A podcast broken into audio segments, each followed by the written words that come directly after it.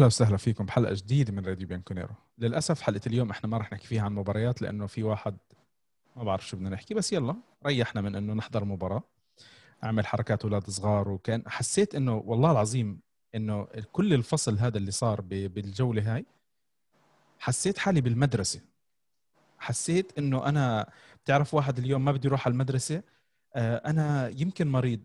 يمكن تأخر الباص. آه، يمكن راحت بتحس الأعذار كانت كثير واهية. و... ويعني ما ما بعرف شو بدنا نحكي. خلينا أول شيء نقول أخوكم مقدم مقدمكم نايف الخطيب راح يكون معي اليوم بحلقة اليوم حسب حسب الترتيب الصورة على على يساري أو يميني أخوي وحبيبي أحمد سلمان من العراق. نعم. تحتي تحت الصورة الحبيب من عمان من عمان الأخ فراس سعيد. شوف الابتسامة شوف. الغلا. وميكروفون البرنامج أحم أحم. مرحبا أهلا وسهلا. بس بس آه، بدنا نحكي بدي أفسد عليه أنا بشغله لابس بلوزة فيدال. زين عاد أنا أنا لابس التيشيرت هذا في 2000 و... وموسم 2012 2013 يعني. شيل الرقم. ما ما خلاص بحاول إني أشيله بحاول إني أشيله. طيب okay. قبل ما نبلش الحلقة بنحب نذكركم إنه حلقاتنا موجودة على يوتيوب Apple Podcast Google Podcast Spotify أنغامي. إحنا موجودين على فيسبوك تويتر إنستغرام راديو بيانكونيرو وسناب شات. بعرفش أنا إذا كان شغال هلأ كم من يوم ولا لأ بس آه، يعني ابو راشد هيك قصدي أبو طحنون عمل اكشن بعد ما اعطيناه warning وحكى خلص بحرك لكم الحساب وبنعمل جو شيء زي لا بيتحرك يتحرك الحساب. لكن نايف حسب الاكشن اللي صاير. يعني حاليا تكلمت تقريبا حوالي 10 أيام ما في مباريات.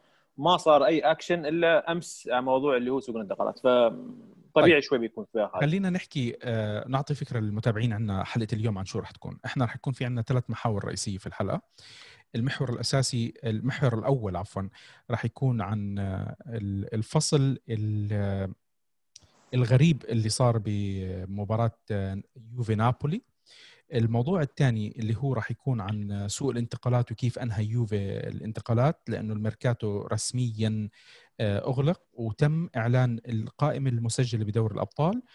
وأخيرا راح نحكي عن دور الأبطال والقرعة.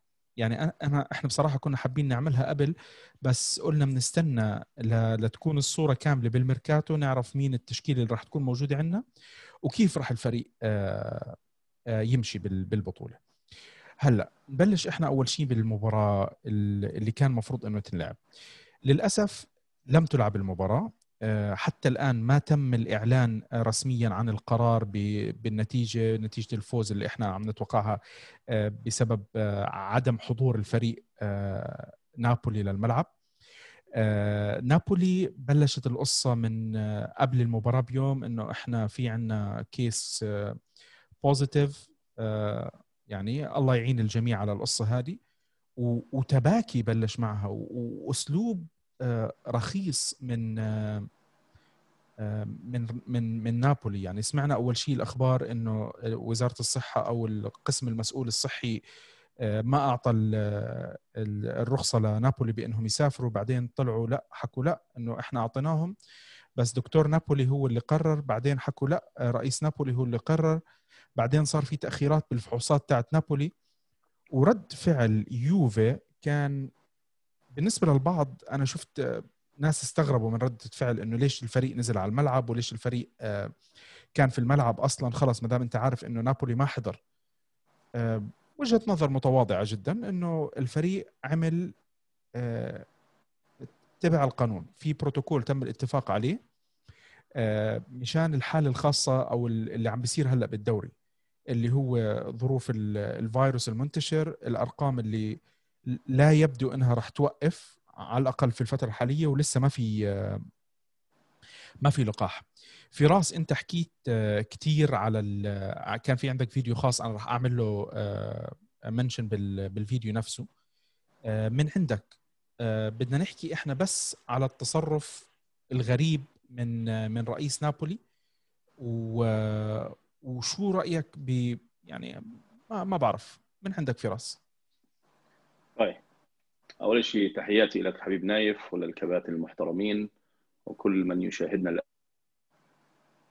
الآن آه، باختصار يعني هي شوف موضوع المباراه اللي صار وتاجيله هذا هو يدخل في منحيات عدة ويدخل في نقاشات متعددة. آه، النقطة الأولى اللي أنا بحب أحكي عنها أول شيء هي كلمة راح أوجهها لجمهور يوفنتوس تحديدا.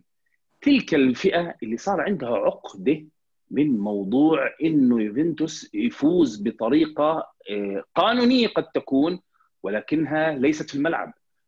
هذا الموضوع يعني جمهورنا صار يعني في عنده أرق مخيف. تخيل إذا إحنا احتسب لنا مثلا رمية تماس بخطأ حكم جمهورنا صار في فئة طبعا. آه لا مشان الله إحنا مش ناقصنا شو مش أنت لو تحقق الدوري بفرق 20 نقطة راح يضلوا يحكوا عنك. انت ماخذ الدوري تسع سنوات متتاليه والجماعة لسه بيحكوا عليك. فيعني هاي الفئة كلامك. انت متذكر من شهر لما طلع آه، دي لورينتيس نفسه المتباكي اللي طلب تغيير أسلوب آه، شو اسمه نظام الدوري الإيطالي آه عشان playoff آه بيعمل playoff وحكى جمهورنا في فئه وللأسف للأسف في ناس احكي كمل احكي شو بدك تحكي؟ هو بس إنه حكى قال في فريق عم بيربح الدوري تسع سنين على التوالي آه. ما بدنا نحكي اسمه قال عامل لي حاله إنه هو الشاب آه. المحترم. بايرن يا رجل. بغض النظر فهاي الفئة من جمهورنا هي اللي اول شيء بوجه لهم كلام. يعني أنت لما تيجي أو يعني تكتب على تويتر أو أو على الفيسبوك أو أو وسيلة يعني ال social media تحكي لي لا إحنا يجب إنه يعني نراعي وما نراعي. هذول الجماعة نابولي أو غيرهم أقل منهم أو أعلى كلهم لو سنحت صارت الصورة عكسية راح يلعبوا المباراه راح يجوا يستنوا ويقول لك القانون والأحكام. نفس الأحكام والقوانين اللي تزورت ولعب فيها بال 2006 بالكالتشوبولي قال لك احترام القوانين. لما ظهرت يعني قصة أخرى هذيك بديش أدخل أخوض فيها التقادم والاختباء خلف قانون التقادم؟ بس أنت عندك احترام القوانين. يا بتج... يعني بدك تجزئه أو بتحمله شامل. بدك تجزئه هذا مش عندي بيزبطش معي في قانون على الجميع بده يصير.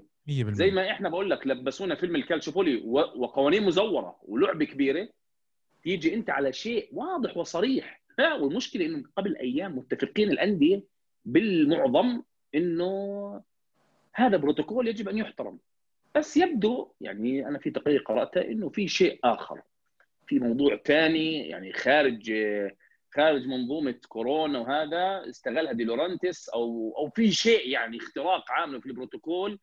يعني الاذى اللي حيكون بيع العقود شيء في في لعبة يعني بغض النظر الأيام راح تظهر ذلك.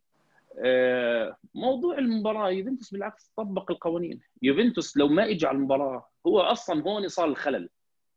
أنت ما في أنت في قانون يطبق وبدك تحترمه كما احترمه الجميع. هذا الاتفاق من الجميع حتى لأول مرة إذا تلاقي ردات فعل الأندية الأخرى بمسؤولينها أو مدربينها أو أو أي حدا فيها كلهم عم بينتقدوا حركة نابولي. يعني الحركة استهجنت من الجميع.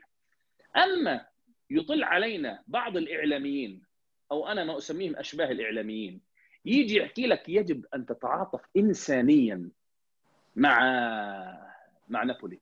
يا رجل تخيل أنا المشكلة إنه ما حابب إنه أحكي بأخوض بموضوع بعض الإعلاميين لأنه للأسف تويتر أنا ما اخذ ما اخذ لا لا إحنا أنا عارف. بس الفكرة إنه يعني كل شيء صار موجود عندك اليوم على تويتر أنت كل شيء عم بتشوفه. أنت من من 10 15 سنة. أنا بستوعب لما يجي واحد يقول لك أنا بنفرد بخبر حصري. بس اليوم يا فراس آه، من الأشياء البسيطة اللي بعض الناس مرات بتنتقدني عليها. أخبار الانتقال اللاعبين أنت بتسمعه من أجريستي.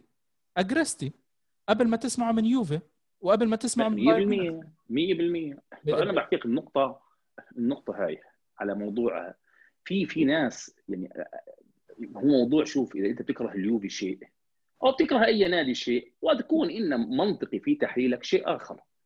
فهمت علي؟ فأنت لما تيجي يا رجل تخيل إنه بعضهم يعني جالس بيحكي عن مباراة نابولي الشاشة كانوا قاسمينها لقسمين قسم لمباراة نابولي واليوفي والقسم الثاني آه، أستون فيلا وهو يغتصب ليفربول وحاطين وليفربول في عنده غيابات في عنده غيابات ليفربول برضه من وراء كورونا هذه مباراة اليوفي نابولي يجب أن يتعامل كان اليوفي انسانيا. نفس المحلل بيحكوا له طب طلع مباراة ليفربول؟ آه هو شو اللي بيصير؟ يعني إيه اللي بيحصل مع ليفربول. ففهمت علي؟ أنا هذا اللعب ما بحبه. تباكي ف... هذا اسمه كله. هو مش تباكي. لا هذا في تباكي وفي جهل. هذا اسمه الجهل هذا هو الجهل. أنت مش وظيفتك تكون في مجال الإعلام الرياضي. خلاص أنت على راسي وعيني ممكن تكون لاعب كبير أو هذا. بس يا رجل امسك المسطره يعني بالنص. أنت قدامك نفس الحالة. الشاشه مقسومة لقسمين. يعني مش معقول العملية التضارب في الفكر. هاي نقطة رقم واحد، النقطة رقم اثنين موضوع نابولي وغياب نابولي. أنا شايف المشكلة في أخبار بتحكي لك اليوم إنه ممكن الاتحاد الإيطالي يخصم نقاط على نابولي ولكن بنفس الوقت يلعبوا ويعيد المباراة. أنت فهمت علي؟ يعني عشان ياخذوا آه، زي ما بيحكوا العصا بالنص، طبعا هو ديلورانتس أو غيره في كلام إنه عشان غيابات لاعبين كان عنده غير الكورونا آه، آه، إنسيني كأنه كمان لاعبين. ففي كلام صدر زي هذا وأنا لن أخذ فيه ولن أتناوله يعني. أنا اللي بحكيه إنه الرجال آه، يعني يعرف تماما إنه لو غاب ضد يوفنتوس راح يصير هناك ضجه اعلاميه وحشد شعبي وإثارة لبلابل يعني وقلائل قلاقل حتى بيحكوها حول الموضوع. راح يصير في جمهور يحكي وفي إعلام يشكك ويعني هو عارف الزوبعه اللي حتصير لأنه اليوفي. نفسه ميلان راح لعب مباراة بنقص لاعبين مش الموضوع عادي وطبيعي. وميلان فأنا بستنى. ميلان, آه ميلان فقد أكبر لاعب عندهم يعني معلش ما أهم لاعب بالضبط اللي عامل كل شيء بالفريق صحيح. فالجماعة بقول لك في في في معايير حتكون مزدوجة ولا الإعلام ولا القضاء فعلا يكون يبت في الموضوع. وأنا بستنى القرار هذا لأنه أنا شخصيا وهذا أمر يعني أنا يعني أختزله لنفسي ومش راح أحكي فيه. هذا القرار تحديدا راح يصدر أنا كفراس راح يحدد لي أمور كثيرة في يعني أنا راح أربطها واللبيب والإشارة يفهموا راح أربطها بموضوع سواريز وكيف تطرمخ على موضوع السواريز. وهذا الموضوع شو حيصدر عنه حكم بعدين بشرح لك إياه بجوز حتى تحت الهواء بيني وبينك. شو الأبعاد تبعت هذا الحكم؟ على يوفنتوس بشيء مستقبلي وبوضع عيلة انيلي تحديدا طيب أبو طحنون آه، وأحمد مين بحب يضيف شيء على الموضوع هذا؟ إذا تسمح لي نايف ويسمح لي أحمد والشباب آه بالنسبة أبو حمزة تكلم عن عن مسألة موضوع الإثارة الإعلامية اللي صارت في في أحد الاستديوهات الرياضية عن موضوع إن تعاطف أو من هذا الكلام. لأن واضح انه آه، كان الاستوديو أو الموضوع كان نقطة إثارة آه، بلبله أو إثارة show إعلامي. آه، كنا عارفين إن يوفنتوس بالنسبة لمشجعين شريحة شريحة كبيرة في الوطن العربي. يعتبر ثقل من بعد جماهير برشلونة. ريال مدريد أعتقد أعتقد يوفنتوس واحد من ال top four أو ال top five عن مستوى آه يعني زاد من وقت رونالدو كمان. نعم. فهم فنحن عارفين من من اللي يدير الاستوديو. الاستوديو الدوري الإيطالي الأساسي. اللي هو دائما دائما في كل مباراة يحاول إنه يشكك في يوفنتوس كل مباراة يحاول إنه آه، دائما يحط الأخطاء على يوفنتوس دائما يعني واضحة هذا بدون بدون ذكر أسامي ما راح أتكلم عن الشخص بعينه لأن شفنا جايب محللين آه، حاطينهم كل واحد في مكان ولا وهذا آه هذا عهر اللي صار مع يوفنتوس وهذا قرار غير صحيح ومن هذا الكلام وهذه فضيحة إذا يوفنتوس حسبوا له النتيجه 3-0 ومن هذا الكلام ومثل ما تفضل أبو حمزة عن أحد المحللين اللي تكلم وقال لك عن مسألة انه لازم يتعاطف انت أنا مش داخل أنا مش داخل دورة رمضانية. أنا هذه بطولة دوري. فيها آه، أندية جالسة تصرف فلوس.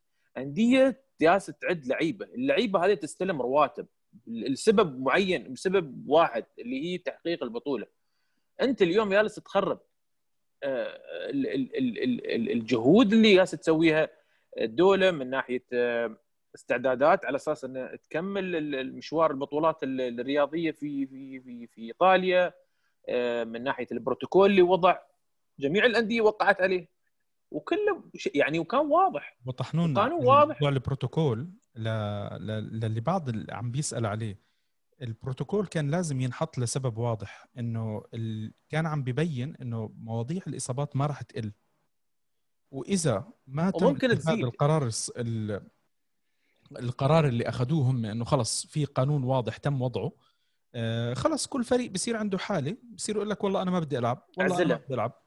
خلص بلعب بآخر السنة. بتلاقي بعدين فريق عنده واصل لآخر الموسم ضايل ضايل له 20 مباراة بده يلعبها.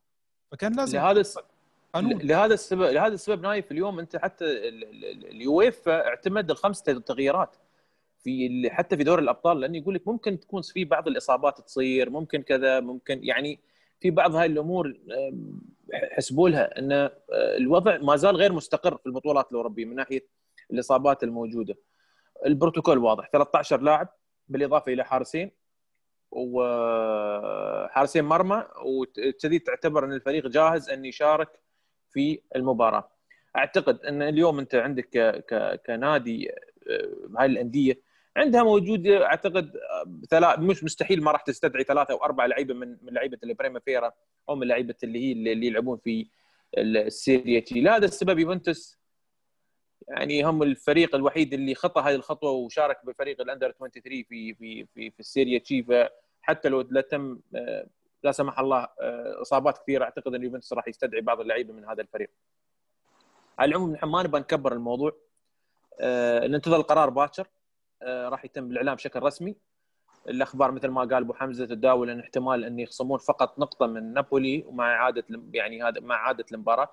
إذا إذا صدر هذا القرار آه، يعني أنا أعتبر إن هذا فشل وأعتبر إن هذا الفساد ما زال موجود في في في في إيطاليا للأسف من ناحية القرارات يا يعني أن تطبق القانون بشكل بشكل كامل 100% أو ما تحابي فريق على حساب فريق. اليوم أنت كنا فاهمين وعارفين إن ال ال ال ال الأشياء اللي جالسه تدور آه، كلها آه، ضد يوفنتوس. يحاولون بأي طريقة آه، مثل ما قال دي لورينتيس إنه يحاول يسوي اللي هو بنظام ال playoff. يعني يعني شيء مستفز بالنسبة لي الوضع في في إيطاليا من ناحية هذه القرارات. شوف قبل ما أختم أنا الموضوع على على موضوع هذه شغلتين بسيطين أنا راح أحكيهم. واضح واضح إنه السيطرة اليوفنتينية على الدوري واحتكار الدوري والبطولات الإيطالية أتعبت فرق إيطاليا. طب أنتم عم تحكوا الدوري ضعيف ليه ما بتشدوا حالكم؟ ليه ما أنتم بتنافسوا؟ ليه ما بتعملوا؟ ما حدا بده يعمل. فخلص خلينا نروح على نظام محكمة ونظام هاي شغل الأطفال الصغار. الشغلة الثانية أنا بتمنى من جميع جمهور يوفا مين ما كانوا وين ما كانوا لازم تستوعبوا إنه أندية إيطاليا وإيطاليا بشكل عام تتكالب على يوفي الدوري الإيطالي مطلب سنوي. مهما صار مهما صار بطولة لا يجب التنازل عنها. اولا وأخيرا هي هذه أول بطولة أنت بتنافس عليها. هي البطولة الرئيسية اللي أنت بتنافس عليها. مهما كان بطولة الأبطال حلم وهوس وهذا بطولة الدوري الإيطالي مع كل سنة والأسلوب اللي عم نشوفه والتباكي اللي عم نشوفه أنا بشوف إنه الحمد لله رب العالمين بإيطاليا سنويا بيعطونا سبب إنه ناخذ الدوري سنويا. طلع طلعت قصة الفار. كل مرة تطلع لك قصة والحمد لله رب العالمين. على العموم. آه ما في شيء أعتقد نضاف على على الموضوع هذا. أبو حميد آه الحمد لله على السلامة. زمان مش شايفينك. الله يسلمك. منور ومبسوط و الحكي بدي أبلش من عندك بالسوق الانتقالات. إحنا الحمد لله رب العالمين خلص سوق الانتقالات. أنا شفتك حاطط تغريدة آه، كنت سعيد بالصفقات بس كنت غير سعيد بالبيع. وأنا رديت عليك بإنه أنا متفاجئ إنه أصلا كان في بيع. بعدين تذكرت إنه هو بس كان آه، ما حسب علينا يمكن آه، بيانيتش وربما بعض الصفقات اللي إحنا آه، نسيناها اللي هي زي آه، الشباب في واحد الشاب اللي راح على موراتوري. أتلانتا. موراتوري على أتلانتا. فهذول صفقات إحنا ربما نسيناهم. وطبعا أسطورة الدفاع اللي راح على آه، جنو روميرو. مش جنو راح على أتلانتا راح على أتلانتا. بما أنه حكيت عن الدفاع بس في شغلة للأسف يبدو أنه كالدارا آه، تعرض لإصابة جديدة وراح يعمل عملية. أنا أسف على هذا اللاعب اللي ما شفنا منه ولا شيء طبعا أخذناه إحنا من أتلانتا. اللاعب بعدين ما لعب يمكن كرة قدم ابدا رجع مرة ثانية راح على ميلان بعدين رجع على أتلانتا و... وإصابات يعني ثلاث مواسم ما شفنا منه شيء. من عندك أبو حميد؟ أه والله يا نايف هو الموضوع أه انتقالات نريد نقسمها لازم نقسمها بيع وشراء. لأن ما تقدر تنطي صيغة كاملة أو تقييم كامل انتقالات بصورة عامة. لأن هواية انديه ومن ضمنها اليوفي. ناجح ويكاد يكون مثالي بعمليات الشراء. لكن بعمليات البيع فهو هذا الفشل في البيع موجود منذ تولي ماروتا ومساعد معاون ماروتا باراتيتشي. فهذا الموضوع مو جديد يعني. حتى صفقات البيع بهذا العقد الأخير إذا تجي آه، تفرزها تلاحظ الصفقات الناجحة هي فقط باللاعبين اللي هم أساسا مسوقين نفسهم. يعني ما تحتاج أنت تسوق أو تبيعه صح أمثال بوجبا وغيره. فخل... لا نريد نختصر الموضوع إحنا فقط حتى ما نطيل على ال... الشباب. هذا الموسم أنا برأيي آه، كشراء أوكي مثل ما أنت تفضلت. كشراء أنا بالنسبة لي يعني من من أمس أعطيت تقييم سبعة ونص من عشرة واليوم الصحف يعني شاطرتنا الرأي أنطت سبعة ونص كذلك. لا جازيتا وكورييري عاملين لك follow آه، أما موضوع البيع فهنا هي الكارثة وهو هذا الجزء اللي واحد لازم شوي آه، يخلي باله به موضوع البيع آه، إحنا إذا نريد نتكلم كسوق ميركاتو سوق صيفي فنتكلم خلينا نقول بآراء. ما نقدر نتكلم بصيغة قانونية وميزانية وكذا. لأن يعني ميزانية واحد يوليو تنتهي مال السنة الماضية وتبدي ميزانية جديدة للسنة الحالية والقادمة.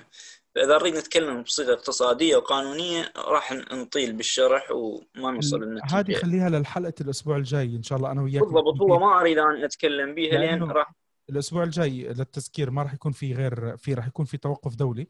فإن شاء الله أنا وأبو حميد وما بعرف مين ممكن يكون معنا بس راح نحكي عن الأرقام والماديات و...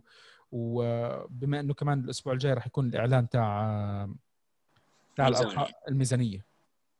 بالضبط. فما نريد نتكلم هي أساسا هاي الأمور قلت لك إذا نريد نتكلم بها فما نقدر نوصل للنتيجة كتقييم للميركاتو يعني راح ندخل بأمور قانونية واقتصادية ويضيع تضيع نواة الموضوع. أما إذا نتكلم بالميركاتو بصورة عامة فالميركاتو إحنا مثل ما تفضلت أنت ما بعنا بيه بس بيانيتش وبيانيتش لولا المبادله وعملية معادلة رأس المال والأرباح. تحقيق أرباح صافية كان ما صارت ولا راح تصير. فمن ناحية البيئة إحنا ما بعنا لاعبين. لذلك أنا حتى التقييم ثلاثة من عشرة من خليته يعني حسيت بمجاملة بعد. أنت ما بعت لاعبين. أنت المشكلة وين؟ أكو مشكلة لازم الكل يعرفها. المشكلة إنه أنت أساسا اللاعبين اللي حاليا قاعد تعيرهم وتنهي عقودهم بصورة سلبية من النواحي المالية. هم ذولا كان مفترض أنت تتخلص من عندهم لأن هم فاضيين من الصيف الماضي. أنت الصيف الماضي خضيرة ايجوانين ماتويدي آه، حتى ديشيليو روغاني ذول المفروض من الصيف الماضي طالعين. يعني أنت هيكلت النادي من جديد والفريق من جديد عفوا. فلازم خلص ذولا منتهي. إحنا نعرف ذولا الناس كانت عندهم حصانة وماسيميليانو أليجري من طلع أليجري خلص ذول اللاعبين بعد خلينا نعتبرهم رجال فترة معينة وخرجوا. فأنت حاليا قاعد آه، تأجل فشل عملية بيعهم لا أكثر ولا أقل. والصيف القادم راح يرجعوا لك هم وعقودهم ومشاكلهم وتكاليفهم. فدوغلاس كوستا أنت ممكن يرجع. آه، ممكن هو لا أكيد يرجع. ايجواين آه، طبعا أنت تخلصت منه صحيح هو ما راح يرجع لكن تخلصت منه بخسارة مالية 18 آه، مليون. وضفتها على خسائر النادي أصلا اللي هي موجودة بسبب كورونا وصلت الخسائر تقريبا 89 مليون بسبب هاي الصفقة هاي هذا العقد اللي كسرته. ما تويدي كذلك ما تويدي هم أنت أنهيت عقده صحيح تخلصت من راتبه بس أنت ما مفترض تنهى يعني ماليا أنت لازم تبيعه لازم ينباع ما ينكسر عقده لأن يعني تصير به خسارة.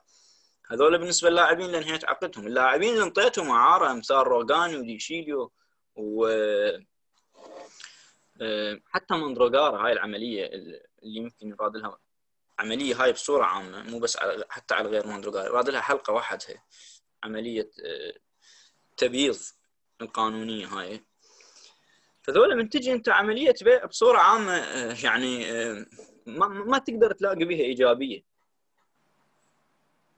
باراتيتشي مثل ما ذكرت ببدايه الحديث باراتيتشي هو آه، آه، خصلة من خصال ماروتا. وكبيع آه، الرجل فاشل جدا. و نعرف أكو أندية يعني خالة وكلاء وفارضة عليهم إنه أنت يا كذا وكيل عندك كذا لاعب. أنا ما أحتاجه. واللاعب تسويقيا علامته مو عالية. تجي تبيع لي إياه أنا ما أحتاجه. ما تحتاج ما يحتاج تجي تورطنا به إحنا متورطين بكذا لاعب. يعني انت تخيل لاعب ثلاثة أشهر أربعة من الصيف الماضي وثلاثة أشهر أربعة من هذا الصيف. ما تقدر تبيعه؟ تبيعه بطريقة عادية. يعني إحنا ما نريد نقول ديشيليو ب 20 مليون وروجاني ب 40 مليون. بيعه ب 10 ملايين. ما خسران. بالمناسبة انت ماليا إذا تبيعه. ممكن تربح. ما دبرت هذا الموضوع. فاني كبيع قلت لك أعتبر يعني النادي هسه اذا نجي ماليا. صارف بهذا الميركاتو 110 مليون و وبايع ب 96 مليون. أكثر أنا حطيتها اليوم الصبح. هو الكوري الكورير سبورت نزلت أرقام ولا جازتا نزلت أرقام وأنا هاي الأرقام اللي أذكر لك إياها هاي من ما شاء الله. من صحيفة تابعة لرابطة الأندية الأوروبية. كل الأرقام طبعا حتى صحيح. حتى حتى الترانسفير ماركت حاط نفس الرقم 110 مليون. جازتا حاطين 121 صوتي واضح؟ آه واضح واضح. جازيتا حاطين 127 صرف و... واستلموا 84 ونص من من البيع. الصافي 37 مليون 37 و هاي هاي الجازيتا هاي هاي حسابات ماركو إيلاريا المسؤول الاقتصادي مال الجازيتا آه، والكورير نزلت أرقام مختلفة. وهاي الآن قاعد أذكر لك إياها هاي آه، من صحيفة تابعة لرابطة الأندية الأوروبية. طبعا هو كلهن صحيحات بس كل واحد يحسب يعني مثلا واحد يحسب هلاكات واحد يحسب قلت لك تفاصيل ما نريد نخوضها المهم أنت عندك سالب أكيد كعملية بيع وشراء. طبعا عندك صفقات أنت من الشتاء مسويها صفقات الشتاء هاي هم أيضا تضاف. يعني كولوفسكي كولوزافسكي عفوا وغيره ذولا كلهم يضافون يعني على الموضوع. وعندك انت 140 مليون هاي مقسمة إلى السنوات 2021 2022 لهذا الصيف تابعة يعني. هم لازم ترجع أنت تسددها يعني بالتالي بالسنتين القادمة. لكن كأزمة كورونا حتى ما أطيل على الشباب كأزمة كورونا عملية شراء الصيغ ناجحة جدا. تكاد تكون مثالية. إحنا طورنا الفريق وأهم نقطة معدلات الأعمار. معدلات الأعمار هذا الصيف باللاعبين القادمين 23 سنة كمعدلات. الصيف الماضي كانت آه، تقريبا 27 فكمعدلات أعمار إحنا حاليا نملك فريق شاب واللاعبين الشباب اللي مو لاعبين تحت تجربه لا هم خايضين التجربة وطالعين من خانة إنه لاعب ممكن آه، آه، أراهن عليه. لا هم كلهم بأنديتهم ناجحين. فتبقى الآن الدور على بيرلو وعلى بيئة النادي لتطويرهم. يعني مثلا كيزا اللاعب صار له ثلاث سنوات بالدوري الإيطالي. يقدم كروزافسكي أحسن لاعب شاب بايطاليا السنة الماضية. ارثر لاعب ممكن ما أخذ فرصته وحتى شفنا صحف إسبانيا وجماهير برشلونة شلون تعاطت موضوع خروج ارثر بطريقة يعني بها نوع من الحسرة. آه، ماكيني لاعب إحنا ما نعرفه بس يعني حسب ما أصدقائي بالدوري الألماني يقولوا له انت كسبت فيدال جديد. إن شاء الله يا رب. إن شاء الله يكون أحسن. بالضبط. وحتى بقية اللاعبين قلت لك مورات اللي تعتبر هو أسوأ واحد. حتى أختم الفقرة هاي. موراتا يعتبر أسوأ واحد هو كتجربة غير فاشلة باليوفي. يعني هو ما مو مو لاعب الوحيدة الكويسه كانت يمكن عنده. بالضبط. أنا بالنسبة لي موراتا كبديل. إذا اليوم بيرلو آه، آه، جاي جايب آه، موراتا يخليه بديل فأنا أعتبره صفقة جدا ناجحة.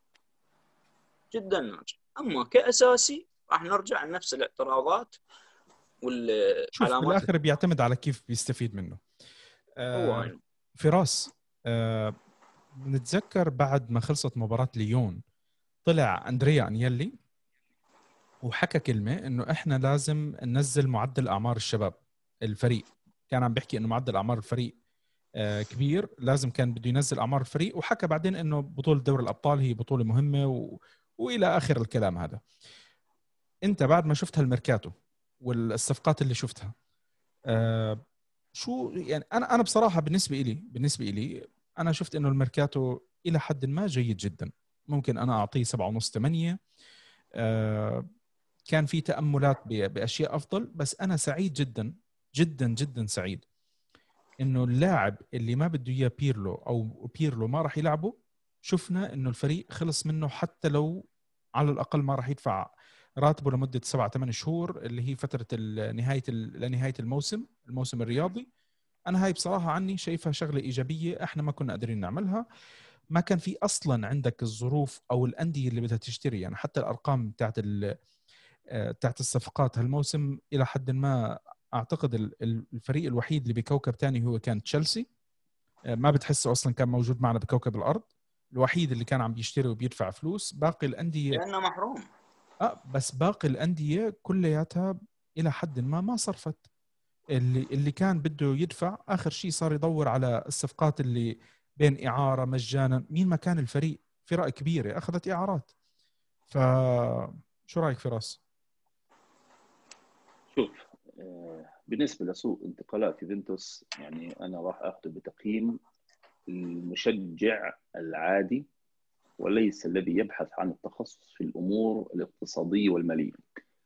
يعني مشجع يوفنتوس في الأخير يعني نحكيها بصراحة لا يعني كثيرا مواضيع شو دخل علينا وشو طلع منا مصاري وأمور الماديه أنا في الأخير بهمني كمشجع إني أشوف فريقي يمتلك التشكيل المناسب والقادر على المضي قدما في هذا الموسم لتحقيق الأهداف الموضوعة بتحقيق الدوري ودوري أبطال أوروبا والمنافسة على كل الالقاب. أنا اللي رأيته إنه الإدارة استطاعت أن تتخلص من مجموعة من اللاعبين الغير مرغوب بتواجد يعني بتواجدهم بالنادي من قبل المدرب وحتى بجزء الإدارة ويمكن اللاعبين وحتى الجمهور. يعني في اتفاق تام على عدم الرغبة مثلا وجود تشيليو. آه روجاني ماتويدي اللي اللي بقى حتى خضيره اللي إن شاء الله راح يرتمي على المدرجات وما نشوفه حتى في الصور التدريبية. بناء على رغبة بيرلو طبعا. أنت عشان ما تزعلش بناء على رغبة بيرلو آه إنه أنا ما اللي آه طبعا. اللي استبعده من دوري أبطال أوروبا وهي رسالة واضحة يعني. فأنا برأيي انه هو تخلص بداية من هاي النوعية من اللاعبين اللي كانت نراها كمشجعين بعيد عن الأمور الفنية نراها عقبات في في مستوى الفريق وفي تطور الفريق بل كانت حتى عثرات في كثير من الأوقات. بالنسبة لعمليات الجلب والاستقطاب نعم معدل اعمار شيء مميز ورهيب. بس أنا في شغلة ثانية أنا كفراس أراها هي التي مفروض آه، تبشر بما هو يوفنتوس قادم بيرلو الان يمتلك مجموعة من اللاعبين الذين يجدون لعب آه، إذا أنا ما أخطأت بالتسمية ناسي هي لعبة الرودو آه، أو اللي إحنا كنا نسميها في في الأحياء الشعبية اللي هي العصفورة. روندو الألعاب اللي هي العصفورة إحنا بنسميها اللي هو لاعب بيكون في النص وفي أربعة أو خمسة حواليه وبصير تناقل الكره بينهم بلمسه لمسة لمسة لمسة. هذا الفريق الحالي معظم اللاعبين فيه أنا بدي أستثني بجوز كليني نوعا ما والمدافعين مش هدخل أصلا في تفصيل هذا الموضوع لكن راح يجيدوا كلهم هذه اللعبة. راح يلعبوها وراح يتقنوها وهذا يعني يعطيك انطباع عن إنه أنت ممكن تشوف هاي السنة في مثلثات في اللعب. في أداء في تناقل الكرة. هذا طبعا موضوع المثلثات تحديدا. أنا من الناس يعني كان عمري شو 17 سنة وأنا وأنا أنبهر بيوفنتوس في ال 97 أحد أعظم المواسم في تاريخ النادي يمكن. آه اللي قدم فيها كرة قدم شخصيا لم ولن أرى مثلها. في برشلونة قدم كرة رهيب وهذا والناس معجبة بهذا الأداء وأنا معاهم. بس أنا هاي كره قدم قدمها في تلك الفترة. كانت يا رجل مدمرة. في الكل يجيد هذا اللعب. لمسة لمسة لمسة لمسة. فتح المجالات بين اللاعبين. وزي ما كان يعني تشافي يعمل مع برشلونة. ولكن المشكلة كانت مش بالكرة مع الكرة.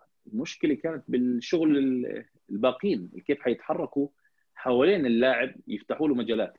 يوفنتوس 97 امتلك هذه الخاصية. وكانت النتائج طبعا مدوية سواء بالسوبر الأوروبي أمام باريس سان جيرمان ذهاب إياب بالتسعة أو آه، دك ميلان آه، ساكي بسان سيرو بالستة أو إنهاء أسطورة أياكس أمستردام بنصف نهائي دوري الأبطال بالأربعة. يعني الفريق كان يقدم كرة قدم إعجازية بصراحه هذا الفريق الحالي طبعا مش هنحكي حيطبق حيصير نفس ذاك اللاعبين يعني برضه الله أحسن. تختلف. إن شاء الله تختلف الأسماء والمسميات. ولكن يوفنتوس الحالي يمتلك النوعيه من اللاعبين اللي ممكن يجيدوا هذا يعني يجيدوا هذا الأداء اللي هو سلم واستلم. افتح مساحات بين اللاعبين وتقدم وارجع. هذه كرة قدم اللي أنا بسميها السهل الممتلئ. وهي طبعا بعيدة عن المتعة الجماهيرية هي تحقق في الأخير نتائج لأنه أنت ترهق الخصم. يوفنتوس مع لاعب مثلا مع احترامي له شخصيا على خروجه بهدوء وسكينة وأدب. لاعب مثل ماتويدي مستحيل تتأمل منه يطبق هذا الشيء.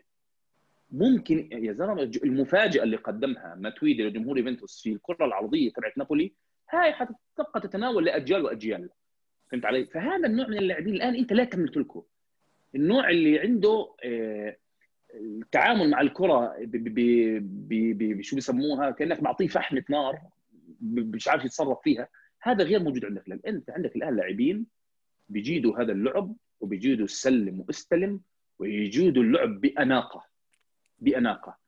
فعشان هيك أنا بحكي لك يوفنتوس الحالي بناء على طلبات بيرلو إذا كان هذا اللاعبين يتوافقوا مع فكره فنحن أمام شيء جميل.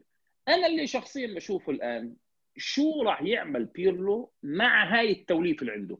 للأمانة عنده مجموعة راح تجيد هذا يعني المستوى من اللعب. أنا من اللاعبين اللي طلعوا وأنت بجوز بتعرف شخصيا اللي أنا دائما يعني عندي حسره عليه مش لأنه هو بس موهبة لأنه هو مش مهتم في أمور بدنية كانت راح تخليه بجزء من الأعظم المهاريين في اللعبة اللي هو كوستا. أنت تمتلك كل شيء لتكون لاعب نجم. يعني أنت من البرازيليين أصلا القلائل الضايلين في العالم اللي بيلعبوا هذا الأسلوب اللي فيه لذة للعين. لكن اللاعب مش مهتم كان بالبدنية. عشان هيك أنا فرحان صراحة إنها إعارة جافة. يعني بلكي تحسن بدنيا مع بايرن ورجع الله أعلم رغم إني أشك في موضوع العودة ليوفنتوس إنه يرجع يلعب بس إن شاء الله. لكن الآن اللعيب اللي عندك يعني حتى بدنيا أنت عندك كيزا من أكثر اللاعبين ركضا في الدوري الإيطالي السنة الماضية. لياقة. سرعة وتنفيذ الواجبات والمهمات المطلوبه منه. كولوزيفسكي يعني موهبة متفجرة. آه، حتى آرثر زي ما حكى أبو حميد لاعب كل الدوري الإسباني يعني جمهور برشلونة يتحسر على خروجه. عندك يعني مجموعة من اللاعبين اللي ممكن يصنعوا لك الفارق. الآن وظيفة بيرلو إيجاد هاي التوليفة واستغلالها بالشكل المناسب. حظنا كمان جميل إنه مباراه نابولي سواء ألغيت سواء أعيدت لكنه إحنا قفزنا عنها. ليه؟ الآن بيرلو هو رجل للامانه يعني لعب مباراة واحدة استعدادية اللي مع نوفارا. ولا يمكن الحكم عليه مباراة سامدوريا ومباراة روما طرد وأمور وخرج فيها بتعادل. لكن أنت أمامك الآن ثلاث مباريات من المستوى السهل نحكي في الدوري. هاي المباريات بيرلو لازم يركز فيها يجد التوليفة والتشكيلة الأساسية. كانت أنا في عندي مشكلة مع أليجري. يعني الساري أنا مش عارف في مشكلة ولا مشاكل ولا مصايب بس إحنا خلينا آخر شيء مع أليجري إنه ما في ثبات على تشكيلة واحدة. أنا من الناس اللي بعرف إنه في فريق بيكون في تشكيلة أساسية وبيصير عليها شوية تعديلات. أنا هذا اللي تربيته في كرة القدم مثلا مع ليبي. خلص في الأساسيين وبتصير عملية المداورة ضمن حاجات المباراة فلازم في تشكيله أساسية. أليجري مثلا افتقد لهذا الشيء. أليجري كان, كان في نتائج. شوف شغلة وكانوا بإيطاليا بيحكوها عنه. المصطلح اللي طلع عليه لأليجري هو ملحد تكتيكيا. فأليجري كان عايش على موضوع إنه أي 11 بدهم ينزلوا أنا بدي أعمل التشكيلة فيهم. 100% أنا هذا كلام على رأس عيني. لكن فنيا عشان تمتلك الفريق اللي بدك الفرق دك طلع انت على الفرق اللي حققت أبطال أوروبا في آخر السنوات أكثر فريق مثلا ريال مدريد. واضحة التشكيلة. معروف الوسط. معروف الهجوم والأمور على بينة. خلاص. بصير تبديلات خفيفة أثناء المباراة بعد المباراة يعني بالدقائق الأخيرة أو حسب حاجة المباراة. لكن التشكيل الاساسي واضحة. أنا هذا اللي بتمنى أراه من بيرلو الفترة المقبلة خصوصا إنه الثلاث مباريات راح تكون في المتناول وسهلة. فتقييمي أنا لسوق الانتقالات كان مميز كان جيد. في التخلص من اللاعبين اللي إحنا ما بدنا نشوفهم باستثناء كوستا. واستقدام لاعبين سواء بالعمر سواء في الأداء اللي شفناه منهم مع أنديتهم سواء حتى بال... بال... بالطموح اللي عندهم مع مع النادي. الآن زي ما حكينا الكرة بملعب بيلو لإيجاد التوليفه المناسبه اللي الفريق يتمكن منها. لأنه هذا النوع من اللاعبين اللي بيجيد اللي بيجيد هذا النوع اللي حكينا عن الروندو راح تلاقي منه كرة قدم جميلة. فسوق الانتقالات أبو حميد زي ما أعطاه سبعة ونص إحنا أكيد نعطيه سبعة ونص لأنه بتضل عندي نقطة اللي تفضل فيها انت بتعطيه سبعة ونص يعني ليش بتقلده؟ ما عندك شخصية؟ حط رقم ثاني. لا إله إلا الله. طيب. أنا بعطيه سبعة ونص آه لسوق الانتقالات آه وأنا شخصيتي الحمد لله يعني حبيبي اسأل الجمهور اسأل جمهور يريد يريد يحكيك يريد يحكيك حركش فيك يا أخي. اسأل جمهور الوضيع على تويتر. ف مالك اتركك اتركك الوضيع. وجمهور الوضيع وجمهور الوضيع وسيبقى نادي وضيع بغض النظر. آه فانا باختصار بعطي السوق هذا التقييم وهذه العلامة آه سبعة ونص زي ما أعطاه أبو حميد.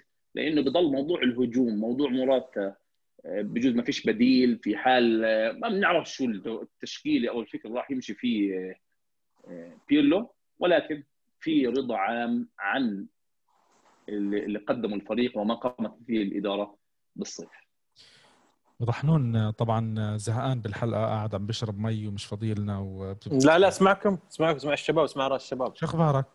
الأمور عندك؟ الحمد لله سعيد؟ الأمور باللاعب رقم 22 الجديد. كيزا آه ما حد يقدر ما حد يقدر يقلل منه. آه أنا ما قللت. ما بغ... ما راح أقلل منه ولا راح آه أعطيه مثلا أكبر من حجمه. لاعب اللي تقوله بتويتر الذكرى اللي تقوله بقول هي بقول لك شيء أحمد. أنا لا بقول بتكلم. نصير نحط كيزا تفضل. كيزا لاعب مجتهد لاعب يمتلك إمكانيات سرعه وأشياء كثيرة. لكن حسب رأيي الشخصي أنت مش محتاج إنه. كيف مش محتاج إنه؟ أنت اليوم شو توظيفه في التشكيله اليوم؟ اليوم كيزا راح يكون موجود كلاعب RWB اللي هو right wing back هذا مش مركزه. مش مش معقول أنا مصطلحات الفيفا. مش معقول مش معقول آه نايف أنت اليوم توقع مع لاعب أنت استغنيت عن أظهرة وأنت already ما عندك أظهرة. فاضطريت إنك توقع مع جناح أساس تلعبه ظهير.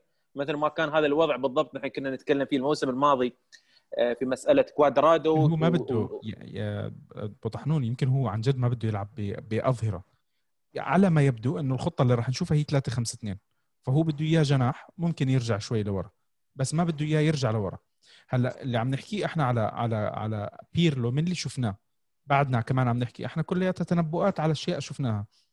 بده يلعب كرة هجومية. ما بده اللاعب يكون خلفي بده إياه أمامي. عرفت؟ بده الجناح مندفع مندفع لاعب مندفع لقدام أكثر ما يكون بيرجع لورا. أنا أتمنى أتمنى إن حسب التشكيل اللي شفناها اليوم اللي تنبأ فيها الصحافة اللي هي بالثلاثة أربعة واحد اثنين بالثلاثي في حال عودة المصابين دي ليخت كيليني دي بونوتشي ساندرو آرثر بنتنكور وكيزا. في الهجوم أمام لعيبة الوسط بيكون كولوسيفسكي كلاعب تحت المهاجمين أمامهم ديبالا أمام ديبالا وكريستيانو رونالدو. أتمنى التوفيق للعيبة هذه لكن أنا عندي كانت تقييمي للماركاتو.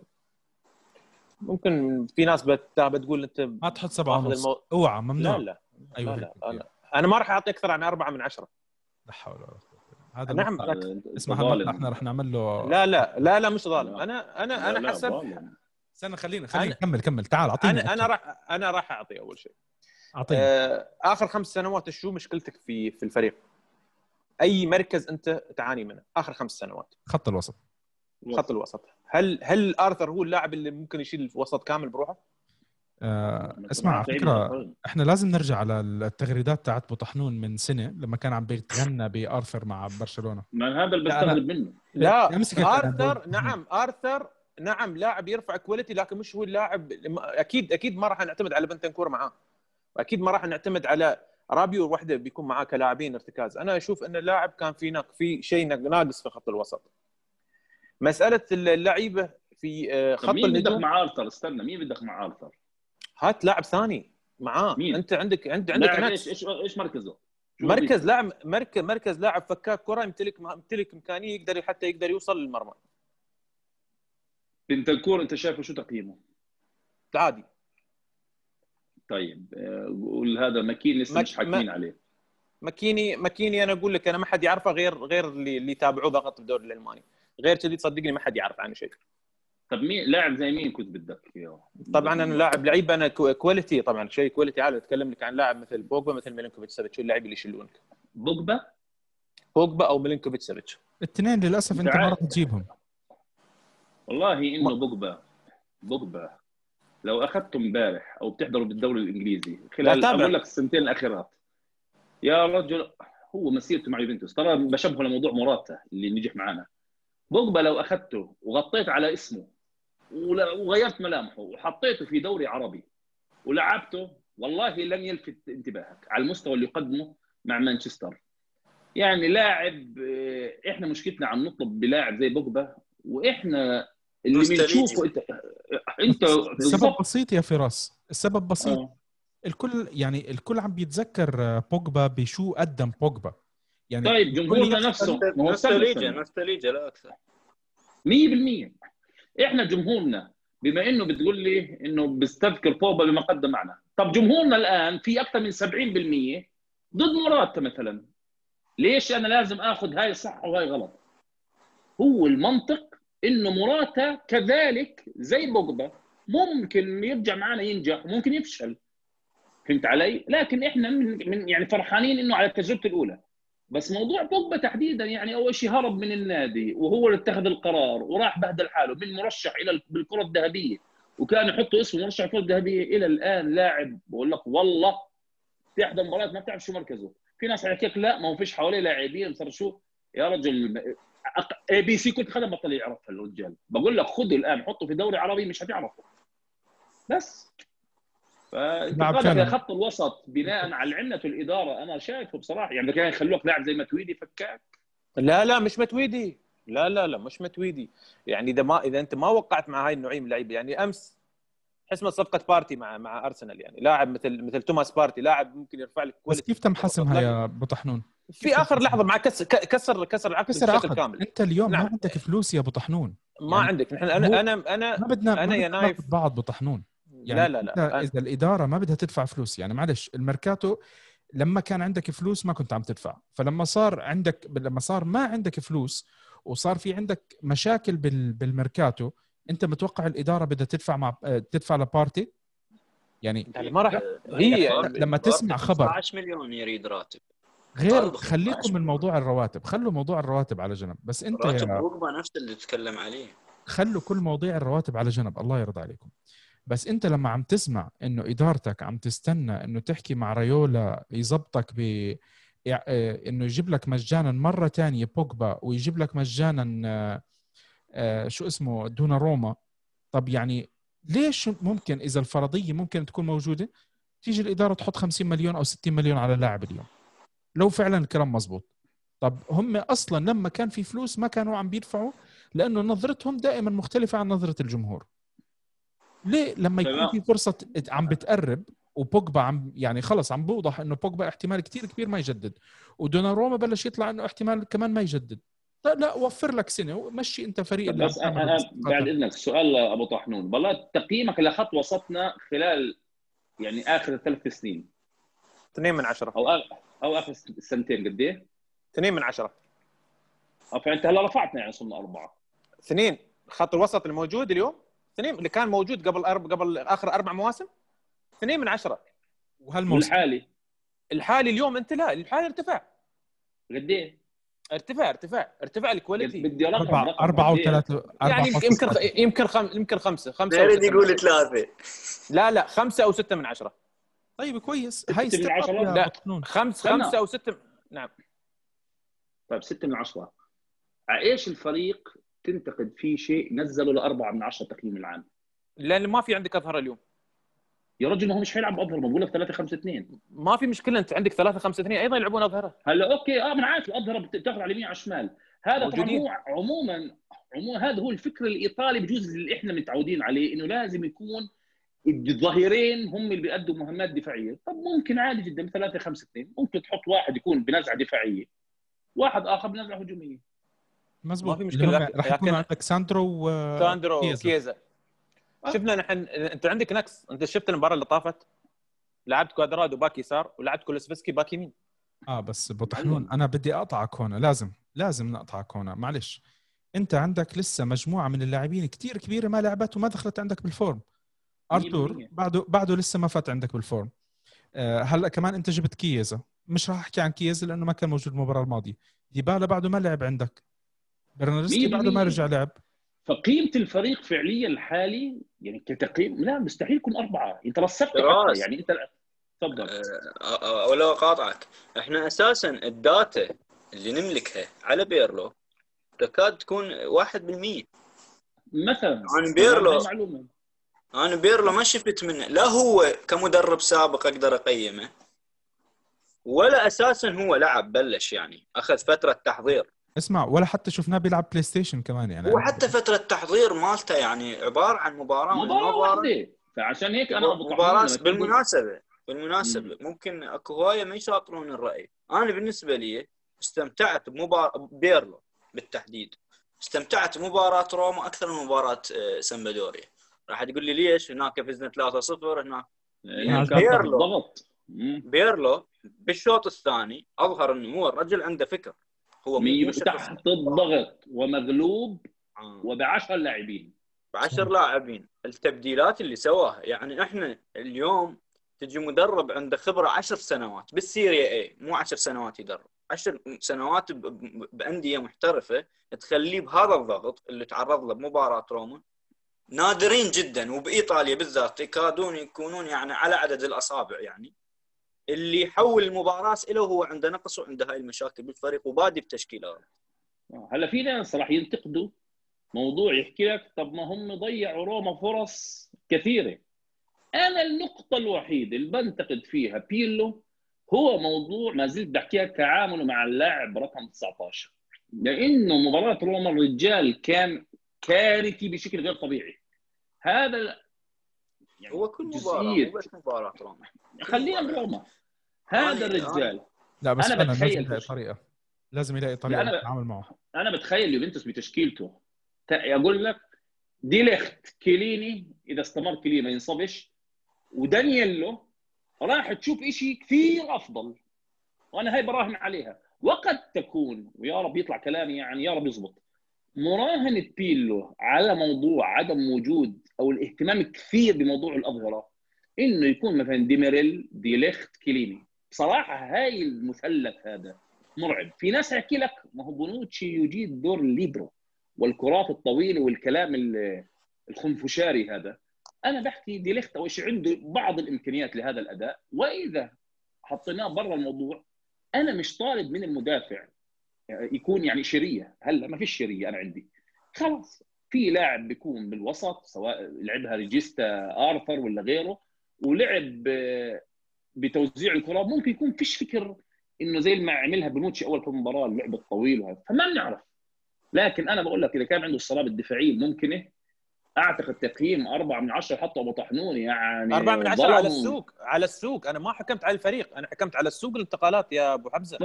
طيب عد اللعيبه اللي جابوا لك إياهم. مراتا لاعب عادي. مراتا مش اللاعب اللي أنا أعتمد عليه. مراتا بوجبا معتمد عادي. عليه؟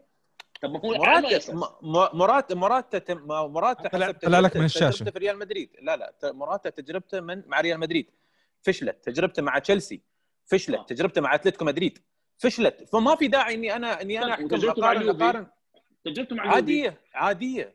عادية؟ آه، نعم نعم نعم عادي لاعب شاب كان مجتهد لا لا لا مع فريق. لا لا لا. إحنا اسمع ما لاعب أنت مقتنع انه تجربه مراته معانا كانت عادية؟ جيدة جيدة جيدة كلاعب كلاعب احتياطي لا أنت حكيت. عادية. لا لا لحظة شوي لحظة شوي لحظة. لاعب اسمعني، جيد. فرق بين العادي في حتى في تقييم الشركات في موظف العادي وفي الجيد وفي المميز. أنت ما بدك في في مشكلة. عادي أنت حطيته في الدرك الأسفل. لا لا. موراتا يا رجل معانا. للأمانة نكون صريحين. السنتين اللي قدمهم معانا آه، هو أفضل سنتين في حياته. أبو حمزة آه، الصوت الصوت يقطع نايف؟ لا لا لا. تمام. آه، أكو موضوع آه، هو حتى نقطة الاختلاف هاي مالتكم حتى مثل ما يقول نخليها بدائرة. آه، أكو فرق بين لاعب أرقام لاعب record وبين لاعب مواقف. يعني موراتا من لاعبين المواقف باليوفي إحنا نتكلم. باليوفي. أيوه. لا لاعب لاعب موقف ممتاز كان جدا. يعني هو أرقامه عادية. إحنا المشكلة اليوم رونالدو وميسي خلوا سقف مال record ات قمنا نعتبر به هواي لاعبين ناجحين هم فاشلين. يعني مثلا جمهور برشلونة يتكلم عن سواريز كمهاجم فاشل وانتهى ولازم ينباع من 2018 هو مو فاشل كأر... حتى كأرقام لكن ال- المستوى اللي خلى العالم يتباوع به رونالدو وميسي مستوى جدا يعني آه، ما تقدر تعتبره. هاي مهاجم أنا- فاشل. معاك أنا. أنا عشان كذا لما تيجي تقيم مراته تقول لي حاليا عادي أنا بجوز معاك ترى بس ما تقوليش كان في اليوفي بالسنتين عادي. لا ما كانش عادي. بس هاي بدي سنة- اخذ هاي السنتين على قبل كم سنة؟ يا رجل هي بغض النظر حمزه مانزوكيتش مانزوكيتش مم. آه، لاعب ك record جدا عادي. هسه إحنا جماهير. اليوفي لحد الان لحد الآن آه، تتحسر خلينا نقول عليه. على مانزوكيتش طبعا. تمام؟ لا ما هو في موضوع ثاني. ك record ات الرجل عادي جدا بس مواقفه قويه 100% أبو طحنون ليش بوجبا؟ مسيرته مع مانشستر قبل ومسيرته مانشستر بعد طب ما هي نفس مراته عشان هيك انت عم تعمل ميزان عندك بيختلف. مع بوجبا بيرتفع الميزان. عند مراته بس- بينزل الميزان. أنا بقول لك اثنين عندي أنا. بنفس الميزان. أنا ما بفرق بين هذا وبين هذا. أنا إلى بقيم حد ما معي آه، فراس. بوجبا كان معي بعد إذنك. بوجبا كان معي ممتاز وموراتا كان معي ممتاز. راحوا الآن. يرجعوا لي كيف حيكونوا؟ ما بعرف. اختلف الفكر اختلف المدرب ما بتعرف شو بصير طيب أنا بدي أحكي لك شغلة أعتقد إنه أنا فهمت نقطة أبو طحنون وفاهم نقطتك أه للتوضيح بس شو شوي أتمنى إنه أكون أنا أقدر أوصل النقطه مزبوط موراتا ما كان معنا مهاجم أساسي كان هو مهاجم آه، بعد. آه، بعد تيفيز وبعد آه، شو اسمه كان في أول. أول موسم يورنتي. ويورنتي وبعدين اجى. لما إجوا الاثنين مانزوكيتش وديبالا كان هو وراهم okay فاللاعب كان احتياط. كان هو لاعب احتياط. وزي ما حكى آه، أحمد سلمان هو فعلا عنده مواقف.